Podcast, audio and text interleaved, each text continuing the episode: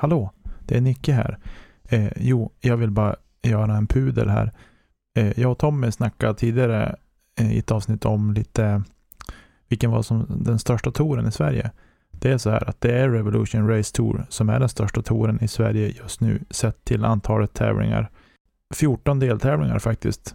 Det var bara det jag ville flika in med. Nu åter till programmet med Elina. Hej då!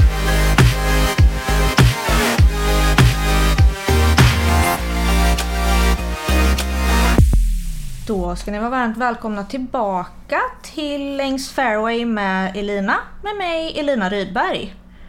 Eh, idag så har jag en ganska spännande intervju framför oss och vi ska faktiskt prata med en av Värmlands största Grow the Sport-ambassadörer. Men innan det så drar vi igång med en faktaruta.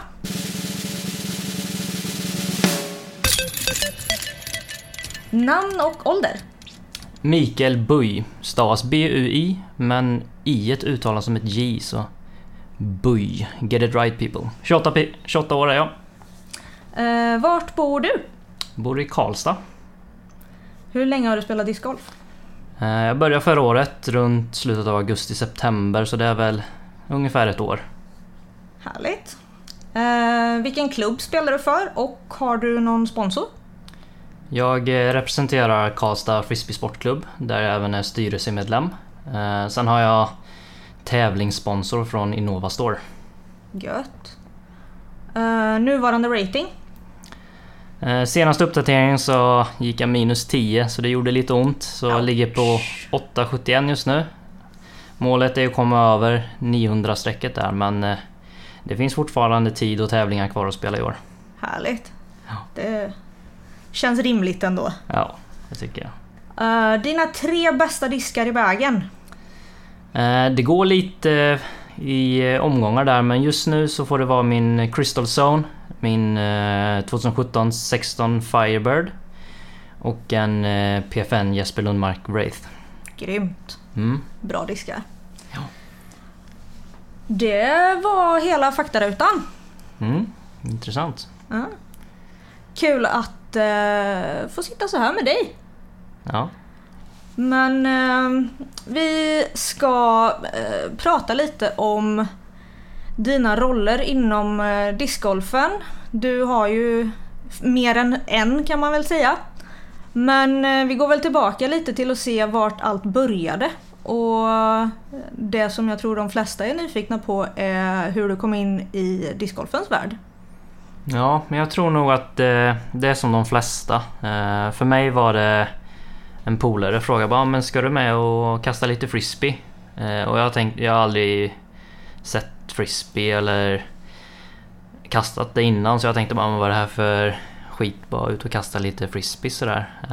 Sen när jag kom och mötte upp dem så verkade de väldigt seriösa. De hade köpt lite väskor och hade en tio diskar var. Ehm, så jag, blev lite inspirerad. Eh, tyckte det var väldigt kul att gå den första rundan. Slutade med att jag köpte själv en väska och tio diskar. Och eh, tränade som attans. De hade bara spelat några månader så att de var inte heller så jätteduktiga. Så det fanns ändå ett driv från min sida liksom att ja men fan jag ska, jag ska, jag ska kunna bli bättre än dem. Eh, Så att det, det var lite där det kom in då och sen har det bara gått ut för. Det är inte så att du är lite tävlingsmänniska eller? Så är det, 100%. Ja. Nej men det är som du säger, det är väl så det funkar för de flesta. Man har vänner som, som börjar, man hänger med någon gång och någonstans så hittar man ju typ tjusningen i det och blir lite fascinerad. Sen är man tävlingsmänniska i grund och botten så spär ju det på ganska bra också. Mm, så är det. Men eh, som vi sa lite där, du har ju mer än en roll eh, när det kommer till discgolf egentligen. Eh, Mm. du är TD Ja. för eh, väldigt mycket tävlingar, främst i Värmland. Mm. Lite som Värmlands Mellgren kan man väl nästan säga. Ja. Du är också spelare och sen som många kanske har sett i alla Facebook-forum så kan man nog kalla dig lite för en disksamlare. Ja, det skulle jag nog kunna titulera mig själv som. Det, ja, det är väl den uppfattningen som jag har fått också. Så att eh, vi får väl se. Men eh, Vi kan väl börja lite med rollen som TD. Ehm, du började att arrangera tävlingar i år, Mm. vad jag har förstått och sett. Ehm, men eh, när kom du på själv liksom att du ville arrangera tävlingar? Och nu skämtade vi lite om Mellgren, eh, men eh, har du någon liksom, stor förebild när det kommer till att arrangera tävlingar och vara TD?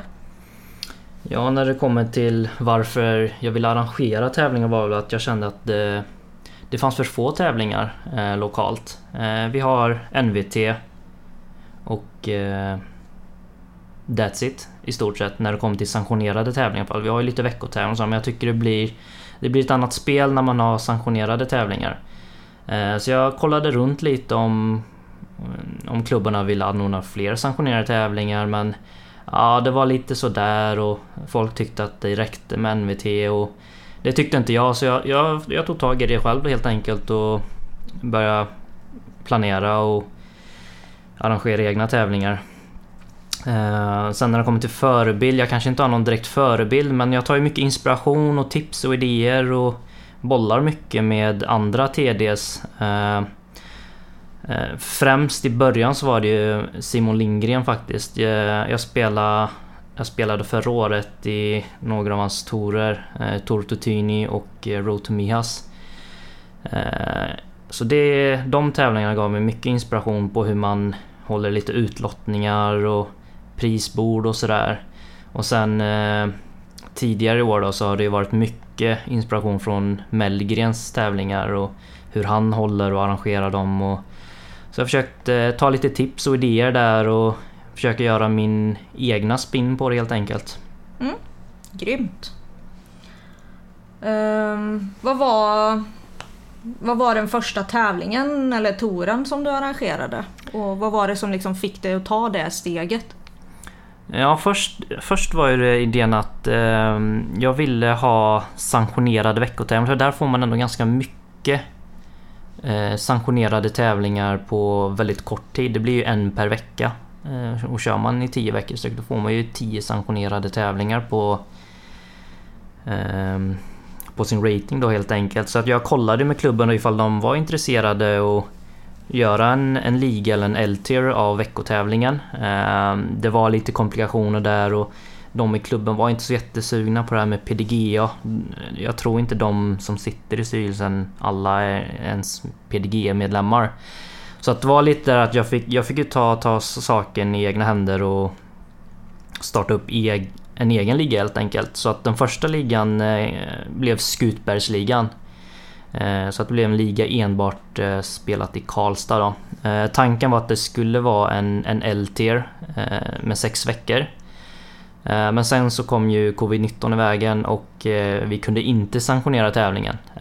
Så att det satte ju lite käppar i hjulen där för att då kändes det lite onödigt att ha veckotävling och sen en osanktionerad veckotävling till. Men det blev att vi, vi, vi körde ihop det tillsammans och, och spelade som en osanktionerad eh, eh, liga helt enkelt. Men okej, för de som inte vet då, en L-tier är liksom en, en liga. Och det är lite kriterier i det va? Det är väl typ att den ska spelas på Det- samma tid eller? Den ska spelas... Eh, eh, osäker om det är på samma tid, men den ska spelas på samma dag i alla fall. Varje vecka. Varje vecka. Mm. Eh, I 6 till 10 veckor. Och Eh. man kan eh, byta, man kan köra olika banor, olika layouter varje vecka. Eh, och sådär. Så det är inget krav på att man måste köra samma bana eller samma layout hela tiden. Men det är liksom just det här typ veckointervallen som blir Ja, det konsekventa i det hela. precis. Ratingmässigt, hur, hur blir det jämfört med liksom ifall man skulle göra en C-tier till exempel? Egentligen så spelar ju inte ratingen, alltså att en L-tier eh, spelar egentligen ingen roll på ratingen. Egent, det enda som spelar roll det är ju hur spelarfältet eh, spelar. Och vanligtvis eh, när man spelar en, en L-tier en liga så spelar ju folk på sin hemmabana. Folk är väldigt vana på den banan och spelar i stort sett eh, bättre än vad de gör i snitt med kanske 2-3 kast.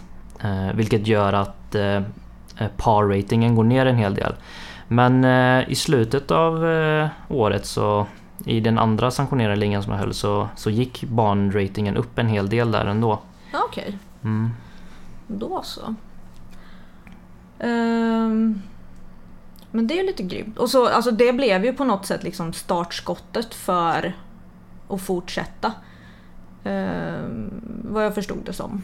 Ja, jag fick ju mer spak för det här arrangemanget och jag fick bra feedback. Folk tyckte det var jättekul att jag tog tag i det här.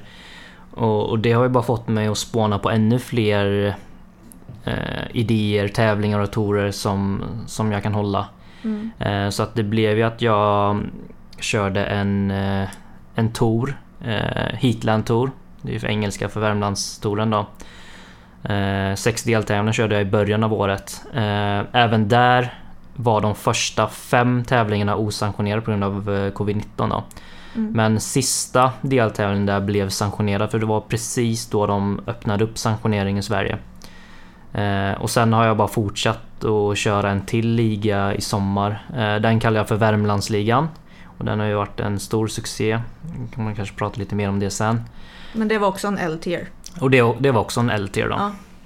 Men den var över fler, det var inte bara sex veckor va? Nej, den kördes över 10 veckor vilket är max då. Mm, Eh, och den spelades över fyra, fyra olika banor Mm. i eh, Gud, jag Värmland. var tvungen att tänka hur många banor vi har i Värmland. Ja men Jo, precis. men precis. Det var väl Skutberget i Karlstad, Kil, Forshaga och Ja. Kristinehamn. Inte Forshaga men Kristinehamn.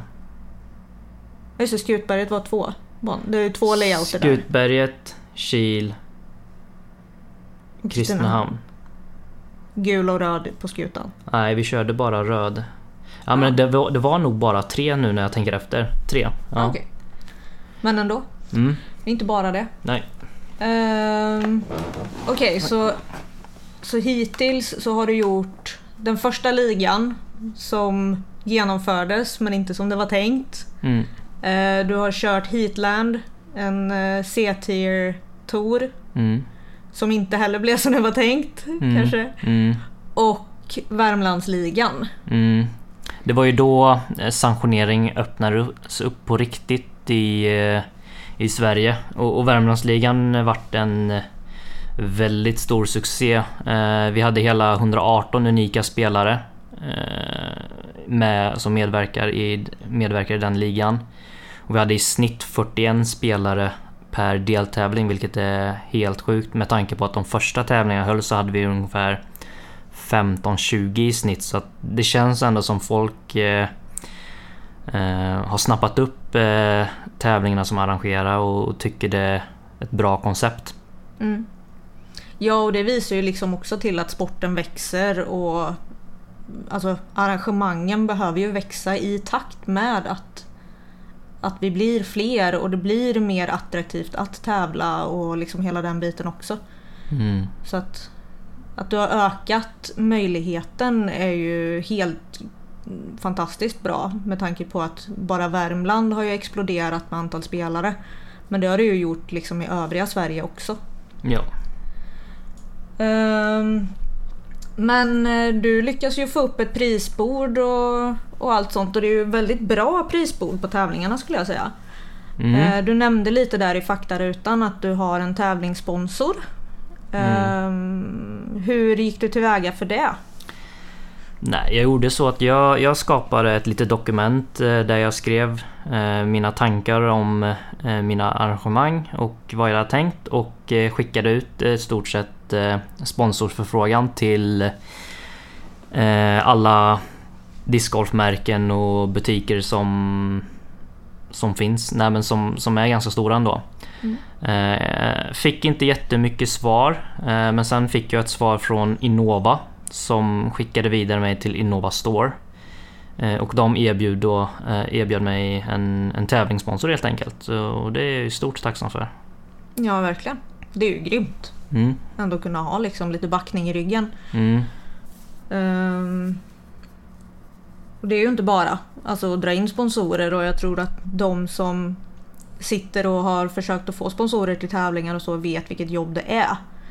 Eh, och jag menar Innova är ju liksom ett av världens största märken. mm, Eh, Så det är ju sjukt kul att de liksom vill vara med och sponsra någonting här i Sverige som ja, men, i det stora hela kanske inte är jättestora tävlingar. Men det är Mm. ändå viktiga tävlingar liksom. Ja men precis. Ehm, och så. Men de sponsrar ju med material, eller hur funkar det? De, eh, de sponsrar med eh, lite eh, gratisprylar. Det kan vara lite diskar, väskor och sånt som de skickar då och då. Mm. Och sen har jag ju rabattkoder på deras sortiment och presentkort och sådär. Så jag får det till ett rabatterat pris då. Så att, och det är just därför jag kan ha mer än 100% eh, eh, i prisbordet. Mm. Eh, Av tror- anmälningsavgiften. av anmälningsavgiften ja. Mm. Eh, nu är det så, jag, jag har inga problem med TD som vill tjäna en liten hacka på sina tävlingar. Eh, det förstår jag för att det är väldigt mycket tid och timmar som går åt till att arrangera tävlingar. Mm. Eh, men jag, jag, körde att, eh, jag kör på minst 100% utdelning eh, på mina tävlingar. Senaste tävlingen så hade vi jag tror det var 167% utdelning för Openfältet. Och de fick ju betalt i pengar då så att det var ingen sponsring där utan det var ju från min egen ficka. Mm. Och sen resterande har ju minst 100% då i utdelning.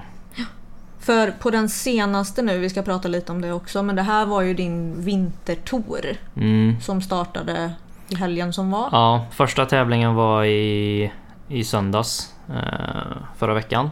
Det spelades i Filipstad. eh, Sista helgen i oktober. Ja, den Fjärde- fjärde, Ja, första helgen i oktober. första helgen. det. kommer. Mm. Ehm, där hade du gått in med ett uh, cashboard i Open, eller? Ja, där hade jag... Eh, jag har lagt till 500 kronor extra för Openfältet. Mm. Eh, det är vissa kriterier då för att eh, fylla för att det ska gå igenom. De ska vara minst 10 spelare. Och tävlingen ska ha minst 40 spelare registrerade. Mm. Eh, det var ju inga problem. Vi hade hela 69 eh, spelare Mm. i söndags. Och nu tänker alla, men det är ju Corona, det får ju bara vara max 50 pers på, per tävling och hej och hå. Hur Mm. löste du det då? Det var Eh, inga pooler. Nej, utan vi körde 69 pers på... Det var nästan fyra personer per hål då. Uh, jo, nej men det var så. Jag skickade in en, ehm, en, en anmälan eh, hos eh, polisen. Och frågade helt enkelt. eh, jag skulle vilja hålla en tävling på 72 pers, går det? Eh, Så att de, eh, de hade, jag hade en dialog med dem. De hade kontakter med jurister och kollade om det går.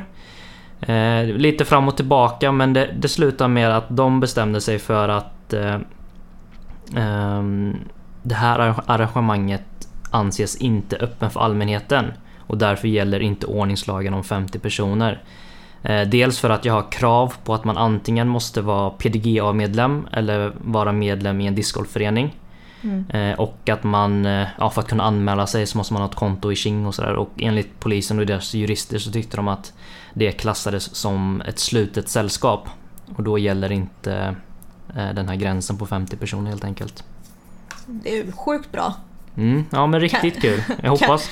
Kan det vara så att vi har hittat ett kryphål här nu för kommande tävlingar? Ja men det kan vara så. Och jag tycker, det, jag tycker fler TDs borde ta efter det här med att eh, eh, att man har någon sorts krav på eh, Eh, PDGA-medlemskap eller discgolf. Eller att man ska vara medlem i en discgolfförening. Speciellt att vara medlem i en discgolfförening för det ger väldigt mycket till Discgolf Sverige. Ehm, Svenska Discgolfförbundet får mer medel ifrån Riksidrottsförbundet.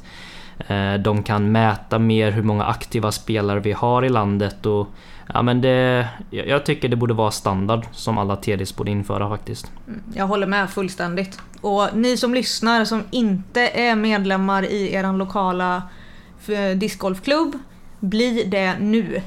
Eh, för att det, de medlen som samlas in därigenom hjälper klubbarna att underhålla banan, det kan vara liksom ja, framtidsplaner som, som står still för tillfället för att medlen inte finns. Så gör så. När ni har lyssnat på det här, eh, skicka till eh, styrelsen, bli medlemmar och få sporten att växa. Bra. Ja. Punkt. Nej. Eh, men eh, ja, vi nämnde ju vintertouren också. Vi kan ju stämma av den också. Det, du kör sanktionerad vintertour. Ja, vi kör eh, två runder C-tier. Eh, sex deltävlingar i Värmland. Och, och, tanken var helt enkelt där att eh, i dessa tider så finns inga eh, veckotävlingar. Det finns i stort sett inga torer. Det är helt dött i stort sett när det kommer till tävlingsfronten. Jag tänker att eh, tjockskallade personer som mig som vägrar ställa in väskan i garderoben och vill fortsätta tävla året ut så, lång, så länge som det går. Eh, så därför jag skapar den här vintertouren. Det verkar ha gett bra effekt ändå. Eh, med tanke på att jag, jag har höjt allmänningsavgiften från jag brukar vanligtvis ta 100 kronor eh, men jag har höjt den till 150 kronor och det har inte verkat vara något problem alls. Mm. Eh, först när jag la ut första deltävlingen så hade vi faktiskt gränsen på 50 och jag hade ju ingen tanke på att det skulle bli fullt utan det fylldes ju en och en halv vecka innan tävlingsstart och det var just därför vi skickade in den här ansökan. Och då kom vi upp till eh, max antal vilket är 72. Mm. Och sen fick vi ju några avanmälningar sista sekunden vilket är standard men ändå. Mm. Det verkar finnas eh, efterfrågan på tävlingar under vinterhalvåret ändå också. Mm. Alltså i Värmland och Närke så har vi ju någonting som heter Kyldisken som vi har spelat under väldigt många år. Mm. Eh, men det är ju en osanktionerad tävling eh, över 27 hål. Mm. Hur länge tror du, eller vad, vad anser du liksom med att köra sanktionerade tävlingar kanske även senare i vinter? För den här touren håller på ut november eller? Ja, till sista november. Eh, och så, det, det, är ju som du säger där att det blir ju mörkt tidigt, speciellt när vintertiden kommer och det blir mörkt runt 3-4 så det gäller att man blir klar med tävlingen väldigt snabbt och det är just därför jag kör ett koncept där man kör 18 hål eh, och sen tar du en, en väldigt kort paus, 15 minuter med samma grupp eh, på eh, tin helt enkelt för 18 hål. Mm. Du tar 15 minuter och efter 15 minuter så fortsätter du spela 18 hål tillsammans med samma grupp som du spelade i första rundan. På det sättet så blir vi klara på ja, fyra timmar. Mm. Så att eh, och då hinner vi färd och bli färdiga innan tre. Så. Ja, alltså du sparar ju alltså bara tiden det tar att liksom gå tillbaka till eh, ja, vad man ska säga till TD-båset. Eh, göra nya grupper dra ut det, så ska alla gå ut i hålen igen och så, sådär. Ja, alltså men du sparar precis. ju liksom en halvtimme i tid. Ja, minst. För du får tänka om man, om man sätter till exempel en timmes paus. Mm. Eh, då, är det, då är det ju oftast en timme från sista gruppen kommer in. Och ibland kommer sista gruppen in kanske en halvtimme senare än den första gruppen som kommer in. Och då blir det kan ju bli en och en halv timmes paus. Ja, precis. Det, det kan ju dra iväg på tiden väldigt mycket. Så, det, så det var, man måste nog göra något, något, någon sån här grej man kör 18 gånger 18 direkt. Mm. För att hinna med. Eh, annars så får man ju typ köra bara en runda. Men det är inte lika kul det. Nej precis. Och kan man, jag menar på 15 minuter, ja, har man med sig en drickyoghurt och en bar så kanske man klarar ett varv till. Liksom. Ja. Det är ju inte, det är inte orimligt så. Ja, precis. Jag har ju fått en hel del feedback från tävlingen jag hade i helgen och det verkar vara uppskattat. Eh, folk tycker om konceptet och det rullar på väldigt smidigt tyckte jag. Mm. Det är ju asbra. Mm. Men det här är väl i stora slängar liksom säsongen 2020 och, eh, och så. Men eh, vad, vad, har du liksom lärt dig av det här? För jag menar nu är vi väl ändå uppe i typ en 30 tävlingstillfällen som du har mm. varit TD för. Ja. Det är ju skillnad på den första och den som kommer om ett par veckor.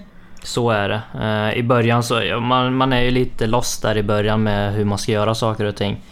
Så, men nu har jag ändå fått ett ganska en bra process i uh, att hantera uh, tävlingar. Uh, för att i början så tog det så ofantligt mycket tid att hålla koll på ekonomin, eh, vilka som anmälda, eh, betalning, planering av prisbord och hela den biten. Men det känns som ändå, jag har fått erfarenheter och allt går mycket smidigare nu. Så att eh, det är ju en grej som har gått mycket bättre i och med tiden här då.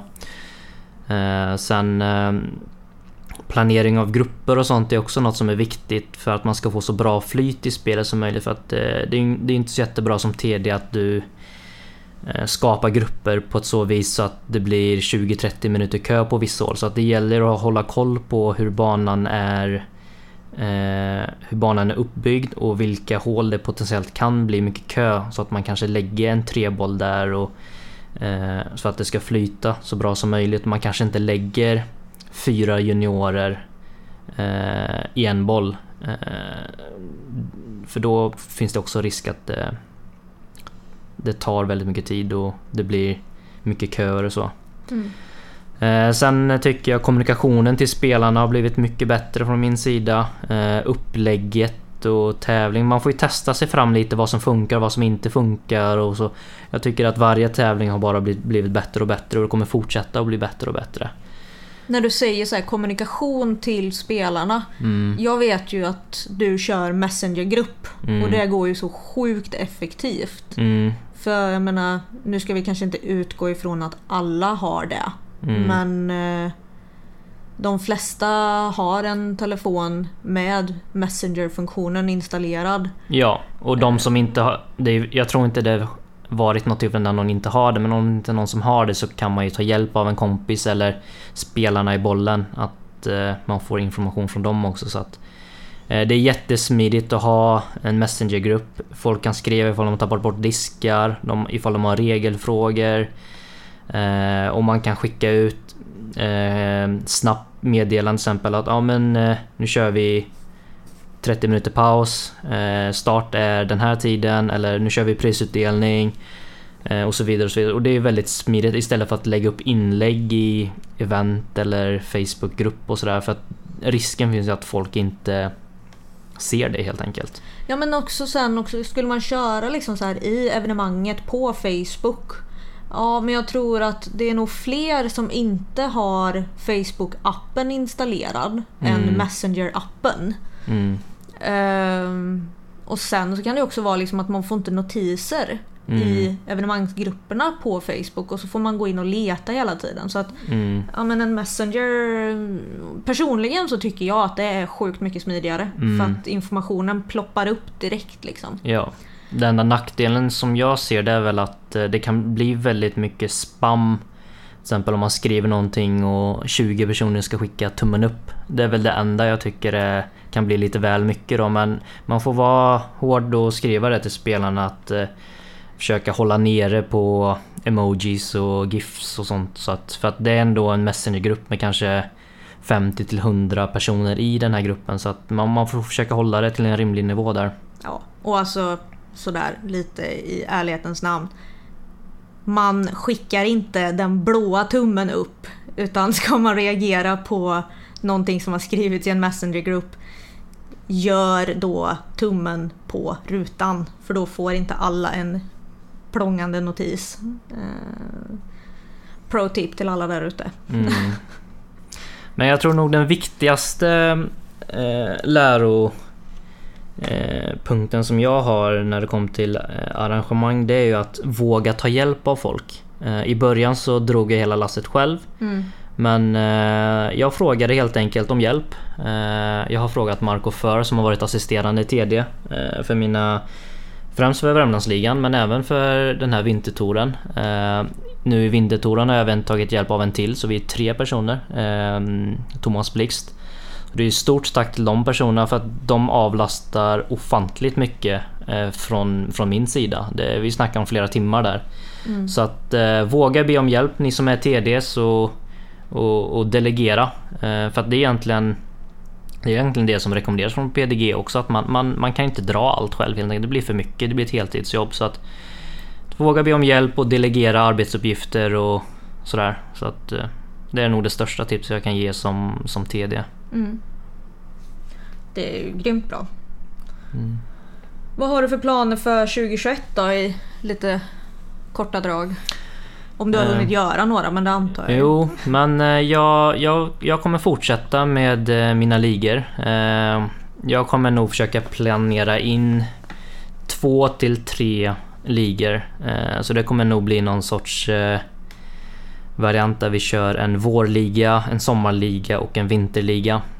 Någonstans mellan 6 till 10 deltävlingar Mm. var. Eh, Sen har jag tänkt fortsätta köra den här Heatland Tour som körs i Värmland. Eh, Värmland har ju idag sex 18-hålsbanor. Så att det är väl de som vi får köra på och rotera på. Ehm, och där har jag tänkt köra två eller tre stycken också där av Heatland Tour. Så det kommer nog också bli sådär en Heatland eh, vårtour, Heatland sommar och en Heatland vintertour. Mm. Typ. Sen, eh, sen har jag en dröm eller planer på att anordna en liten större B-tier i Värmland. Där vi kör ganska mycket added eh, Pro Purse. Eh, någonstans mellan 5 till 10 000 kronor till eh, Open-fältet. Då är det ju eh, MPO och FPO då som, som får dela på den added Pro Purse. Och tanken då att vi kanske kör över två dagar, eh, 144 spelare. Mm. Så att det är ju någonting jag håller på att planera. Eh, eller har, eller ja, planerar. Så att får se hur det går. Det låter ju sjukt grymt. Mm. Nu har det ju varit ett väldigt konstigt år i år men man har ju liksom saknat de här stora tävlingarna som typ NTS och sånt där. Så någonting ändå snäppet under det men ändå en stor tävling för de flesta skulle nog vara väldigt, väldigt uppskattat. Mm. Så det tror jag på. Mm.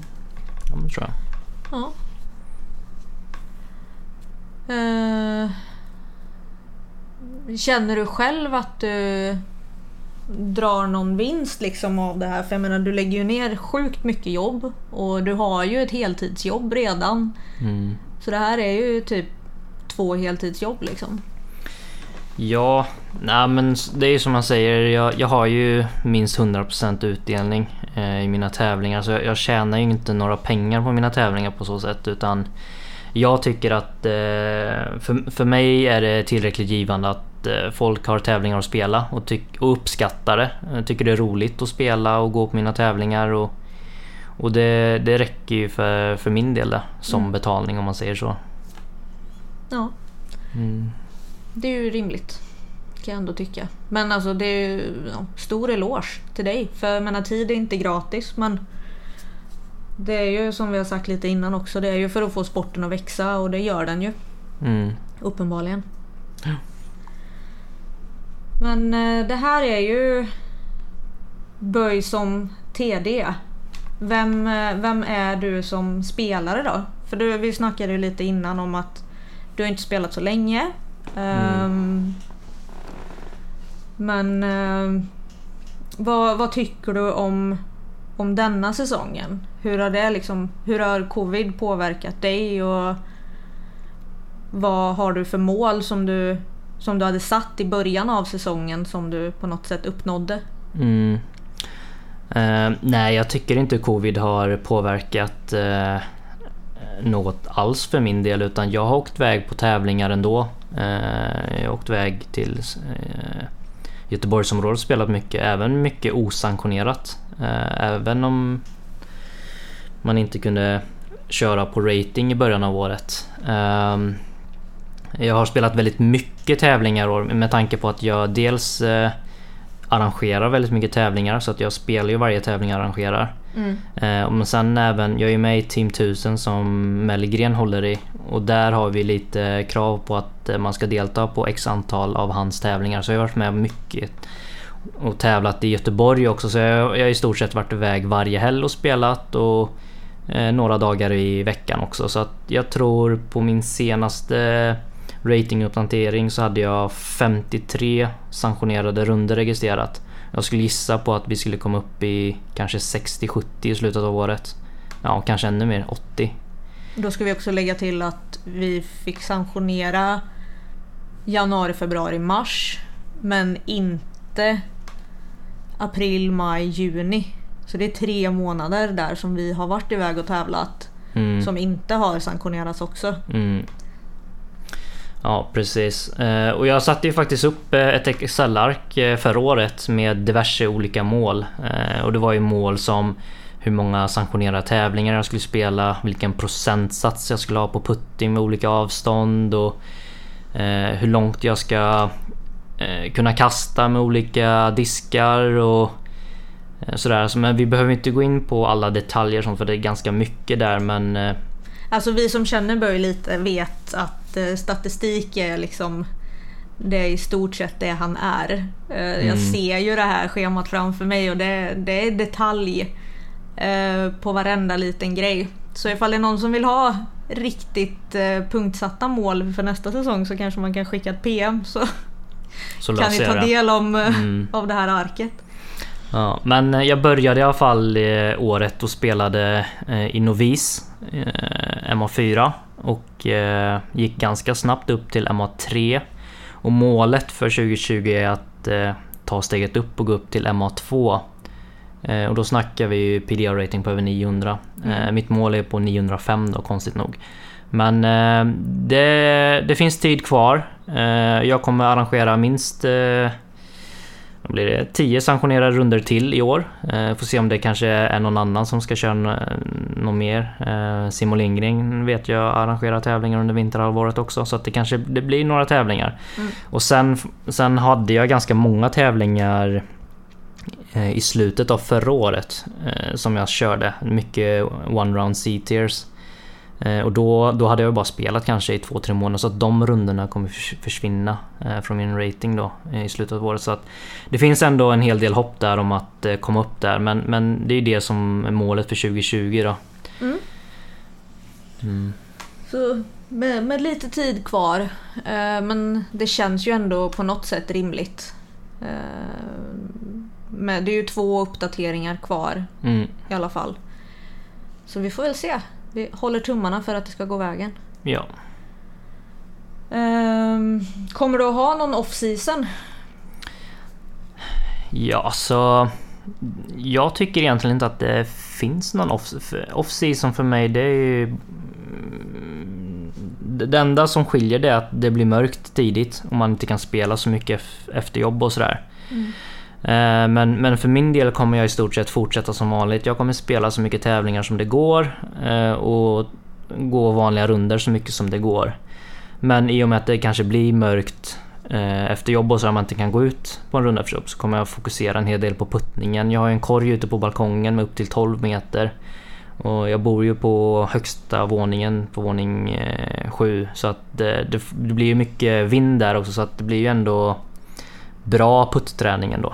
Får inte Eh. missa korgen. Nej precis för då, då, då flyger disken. Jag, jag, jag har ju en sån här... Jag har byggt som en hönsbur kring, eh, kring korgen så att det, det, det minimerar risken att eh, diskarna flyger utanför balkongen så att säga. Sen har jag faktiskt tänkt att anordna en Winter Marksmans League i Karlstad. Eh, så det ska bli kul att se för att öka aktiviteten i området där också och få folk att eh, förbättra sina puttar och sådär. Grymt.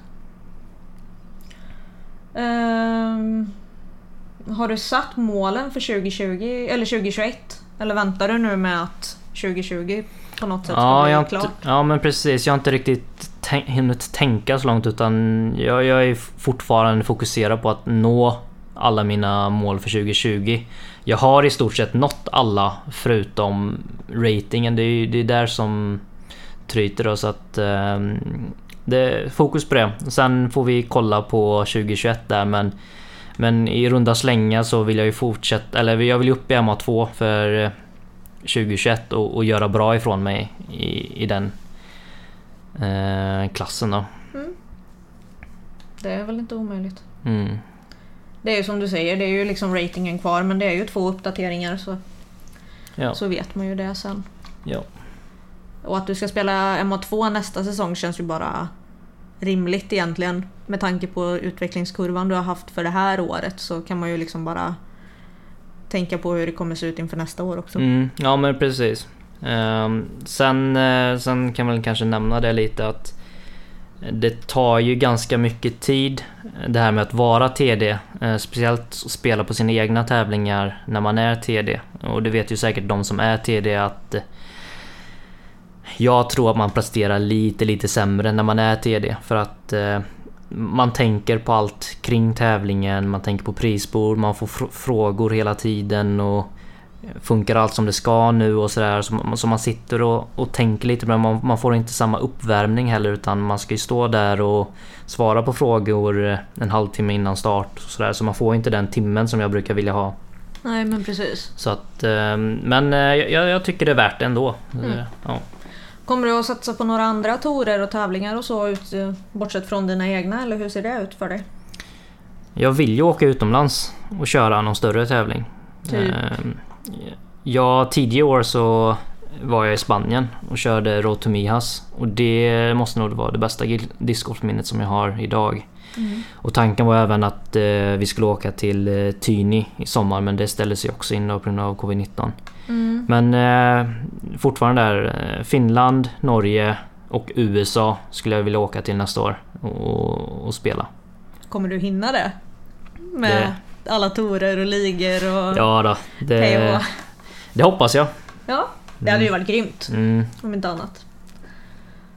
Eh, och jag tror den, eh, den stora frågan här i Värmland lägger vi väl till sist här och det är Hur går det med din uh, touringvan egentligen?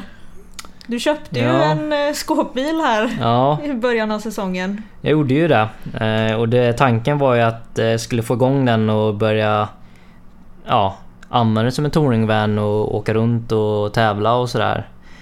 Eh, Men det är så sjukt mycket jobb eh, för att göra det.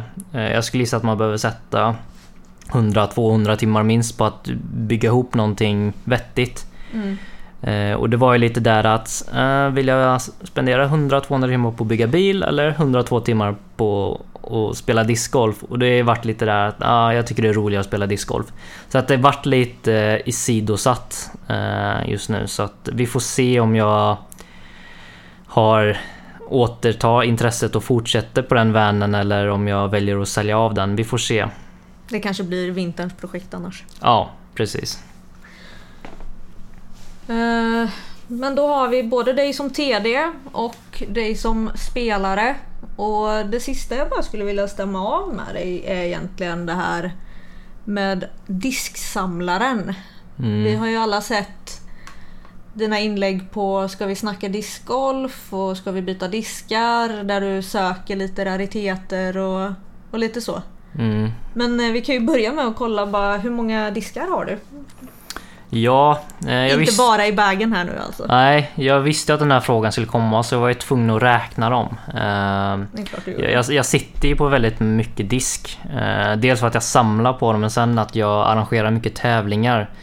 Eh, så att eh, jag har ju mycket diskar som går ut till eh, spelare och sådär. Förra helgen så var det 25 diskar som gick åt. Eh, så att det, det, det går mycket diskar i omlopp hos mig. Eh, men jag räknade lite snabbt och i grova slängar. Jag har massa diskar i bilen och sånt också som jag inte fick tag i. Men eh, ungefär runt 350 diskar just nu. Och Elina har säkert sett skåpen som jag har bakom här med diskarna så att... Det är låda på låda på låda på låda. Ja. ja, nej men det är sjukt. Ehm, 350 disk. Plus det du har i bilen, plus det du har i bagen. Mm. Hur mycket har du i bagen? Ja men det är väl runt en 25 kanske? Ja, Hur många brukar man ha i en, en gripbag? 25-30 någonstans där? ja något sånt. Mm. Ja, men då utav de här då 350 så är det här liksom också eh, vinstdiskar eller vad man ska säga Ja. då, som du lottar ut. Och Precis, som jag, som- jag brukar ha ungefär två backar eh, fyllda med eh, diskar som, som, som är tänkt att eh, gå ut som prisbord. Då. Mm. Eh, och två backar det är ungefär, ja, men ungefär mm, 50 diskar. Det är grymt. Det är Mm. helt... Alltså 350 diskar, ja, det, är liksom, det är svårt att relatera till när man inte ser det. Eh, Man tycker själv liksom att man har mycket och så bara ja men jag kanske har fyra uppsättningar för att fylla bagen. Mm. Eh, Det är inte 350 stycken. Ja. Ehm, vilka diskar är du mest nöjd över då? Eh, jag började ju med att samla 16 Firebirds eh, i år. Eh, jag började även samla på Philo Destroyers och Cooling Thunderbirds. Men eh, 16 Firebirds är ju det som har varit eh, det mest intressanta eftersom det har funnits ganska länge, sedan 2015 då. Mm. Och det finns nio, eh, åt, åtta modeller finns det. Eh, och den som jag är mest nöjd över måste ju vara den, den senaste som jag fick. eh, Som är även den mest värdefulla eller mest sällsynta disken och det är en 2020 LVC 16 Firebird. Och den såldes ju endast på plats i Las Vegas när Nate 16 vann eh, den Las Vegas Challenge. Och det såldes i 250 exemplar. Eh, jag har två stycken, en svart och en vit. Eh, och de ligger någonstans mellan 600 till 900 dollar styck. Räkna att ut det ni. Mm. Nej men alltså med tanke på ett så limiterat släpp och ändå få tag på två stycken till Sverige. Mm. Ehm, alltså jag har ju förstått så här själv liksom att du har beställt mycket från USA. Mm. Men eh, hur har du gått tillväga liksom? Och, för jag menar det är ju liksom, för det första ska man hitta någon som skippar till Sverige. Ja. Ehm, ja, har du något bra tips på vilken återförsäljare? Och hur funkar det med typ tull och sånt? För jag menar det är ju liksom inte det lättaste att få in saker hit heller. Nej. Eh, det första är väl att man kanske ska köpa från privatpersoner istället. Eh, det finns, likt Ska vi byta, eh, grupper fast i USA och det finns väldigt specifika grupper. De har grupper som Innova Only eller Discraft Only och så vidare. Och där lägger folk ut mycket diskar och sånt. Men det man får tänka på att i USA så de har ett annat samlartänk i USA. Och där oftast så är diskarna ganska dyra i USA eh, när det kommer till samlarkretsen. Mm. Det är ganska ovanligt eh, i Sverige att eh, man köper samlardiskar för över 600-700 kronor. I USA så är det inte alls ovanligt att man betalar flera tusen för en disk. Eh, på det sättet. Men eh, om man ska köpa diskar från eh, butiker eller sådär så, så får man ju tänka på att man vanligtvis behöver betala en momsavgift. Och det är 25 till 28% på kostnaden och frakten. Så att betalar du 1000 spänn för diskar och 500 spänn för frakt då är det 25% på 1500 som blir extra då. Mm. Och sen tar ju Postnord också en, en extra ad- administrationsavgift på 75 spänn. Så det, det blir ju väldigt mycket. Så om man bara beställer en eller två diskar så kanske man måste ge typ 100 till 300 kronor extra per disk. Bara för att liksom få hit den. Ja precis, så Mm. ett, tips är i så fall att man kanske samlar ihop ett gäng kompisar och gör en beställning, en, en större beställning på kanske 10 diskar.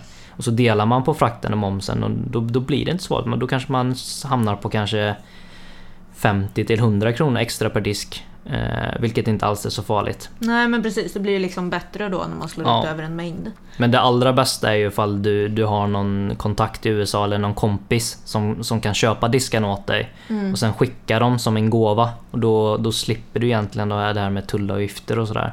Vilket kan bli en hel del. Mm. Ja men precis. Det som jag vet är liksom den största grejen som har beställts och, och sådär från, eh, från din sida. Vad jag vet om ska tilläggas.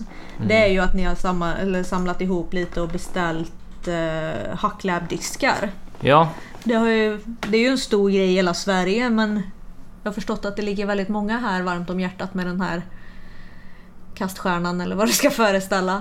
mm, Ehm, du hade ju en tävling ute också. mm, När man skulle gissa totala vikten, eller vad var det? ja precis.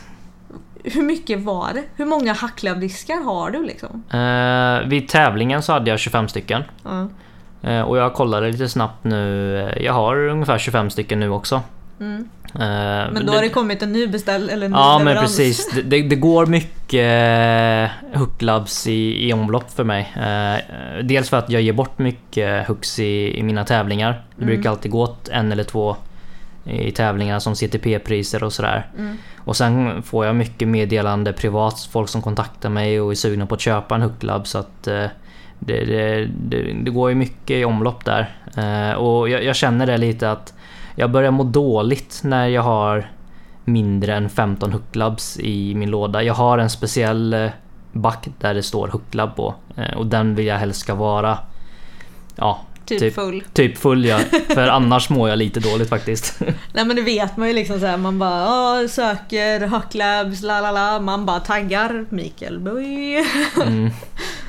Ehm, Men alltså, köper du diskar för att sälja också?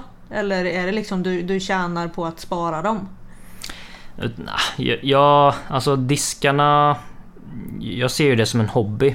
Så att det blir ju som, som en, en, en, en extra gren eller en extra hobby utöver själva diskkastandet. Så jag har ju ett intresse i, i att samla diskar. Mm. Jag tycker det är roligt att samla på diskar och plasta in dem, rama in dem, kolla på dem, titta på dem, känna på dem. Nej men, nej, men jag tycker det är roligt att samla på diskar. Eh, visst, jag, jag, säljer en hel del diskar också, men jag köper också mycket diskar från andra personer. Eh, jag kollade lite snabbt eh, i Postnord-appen på statistiken där och jag har ungefär 52 paket skickade till mig och ungefär 140-150 paket som jag har skickat med Postnord. Då. Så att de har ju tjänat en stor eh, hacka från min del. Men det är inte stora pengar som man tjänar på, på att köpa och sälja diskar utan jag, jag, jag ser det mest som en som en liten service jag, jag, mot folk att ja, men de kanske söker efter någon trevlig hooklab eller någon, någon disk som inte finns längre och jag kanske köpt på mig ett par stycken men då kanske jag säljer dem. Och det, det är någonstans mellan 0 till 150 kronor extra per disk så att för mig är det ju inga summor på det sättet. Jag har ju andra källor där jag tjänar pengar. Liksom. Jag har ju ett välbetalt jobb och jag köper aktier och äger fastigheter. Så på det sättet så... Jag ser det ju bara rent som en hobby så på det sättet. Mm. Det du har kan hjälpa andra också. Mm. Ja. Det... Det är fint. Tycker jag. Ja, och eh, jag tyckte det var väldigt... Eh, för jag höll ju en typ en sorts utlottning slash eh, välgörenhetsdonation därmed jag skulle lotta ut en hucklabb och man fick donera 50 spänn för att få en lott då helt enkelt. Och jag, ja just det. Och jag tror vi kom upp i... Ja, jag tror vi samlade upp över 4000 kronor till Barncancerfonden vilket är riktigt bra Grym. Så att det kommer jag absolut fortsätta med om man kan eh, fortsätta få de här summorna till så bra ändamål. Att, ja men verkligen och speciellt, mig, ja. speciellt nu liksom i månaden. Jag menar, helgen som var så hade vi välgörenhetstävlingar där liksom hela tävlingskassan skänktes till eh, Bröstcancerfonden och Barncancerfonden. Mm. Och jag menar, alla, alla kan liksom göra någonting och genom, ja men, du vinn, du har potens, du har, eller vad ska jag säga, du har möjligheten att vinna en disk. Med att liksom ändå skänka relativt litet bidrag då. Man väljer ju själv liksom. Mm. Uh, hur man vill, hur mycket man vill ge. Ja. Uh, men som du säger, i slutändan så kan det bli 4000 kronor och det, bara en sån sak tror jag har en väldigt stor inverkan på hur man kan använda de pengarna i forskningen. Mm. Men eh, supertack Micke, Micke höll jag på att säga, det har jag nog aldrig sagt till dig förut. Här i Värmland så heter han Böj. Med Ö. Böj. yep. äh, men jättetack för att, eh, för att jag fick komma och prata med dig. Och tack supertack för, till alla er som har lyssnat. Eh, som vanligt så följer ni podden eh, på Instagram och Facebook på ett. Vill ni följa Böj så hittar ni honom på diskbui på Instagram. Det är B-U-I, inte som vi stavar det i Värmland. Då är det B-Ö-J. Eh, jag heter Elina och finns på Elina Rydberg. Eh, men igen, supertack för att ni har lyssnat. Jag hoppas ni har eh, tyckt att det här har varit ett intressant ämne. Eh, kom gärna med feedback till podden och till mig. Så säger vi tack för nu och hoppas att vi snart ses på en fairway nära dig. Hej då!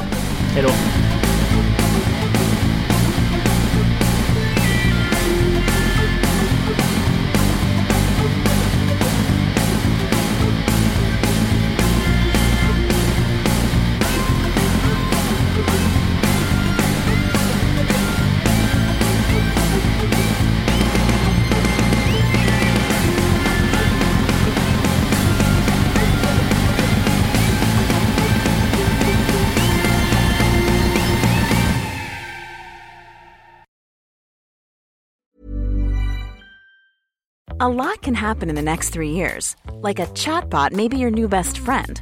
But what won't change? Needing health insurance. United Healthcare Tri Term Medical Plans are available for these changing times. Underwritten by Golden Rule Insurance Company, they offer budget friendly, flexible coverage for people who are in between jobs or missed open enrollment. The plans last nearly three years in some states, with access to a nationwide network of doctors and hospitals. So, for whatever tomorrow brings, United Healthcare Tri Term Medical Plans may be for you. Learn more at uh1.com.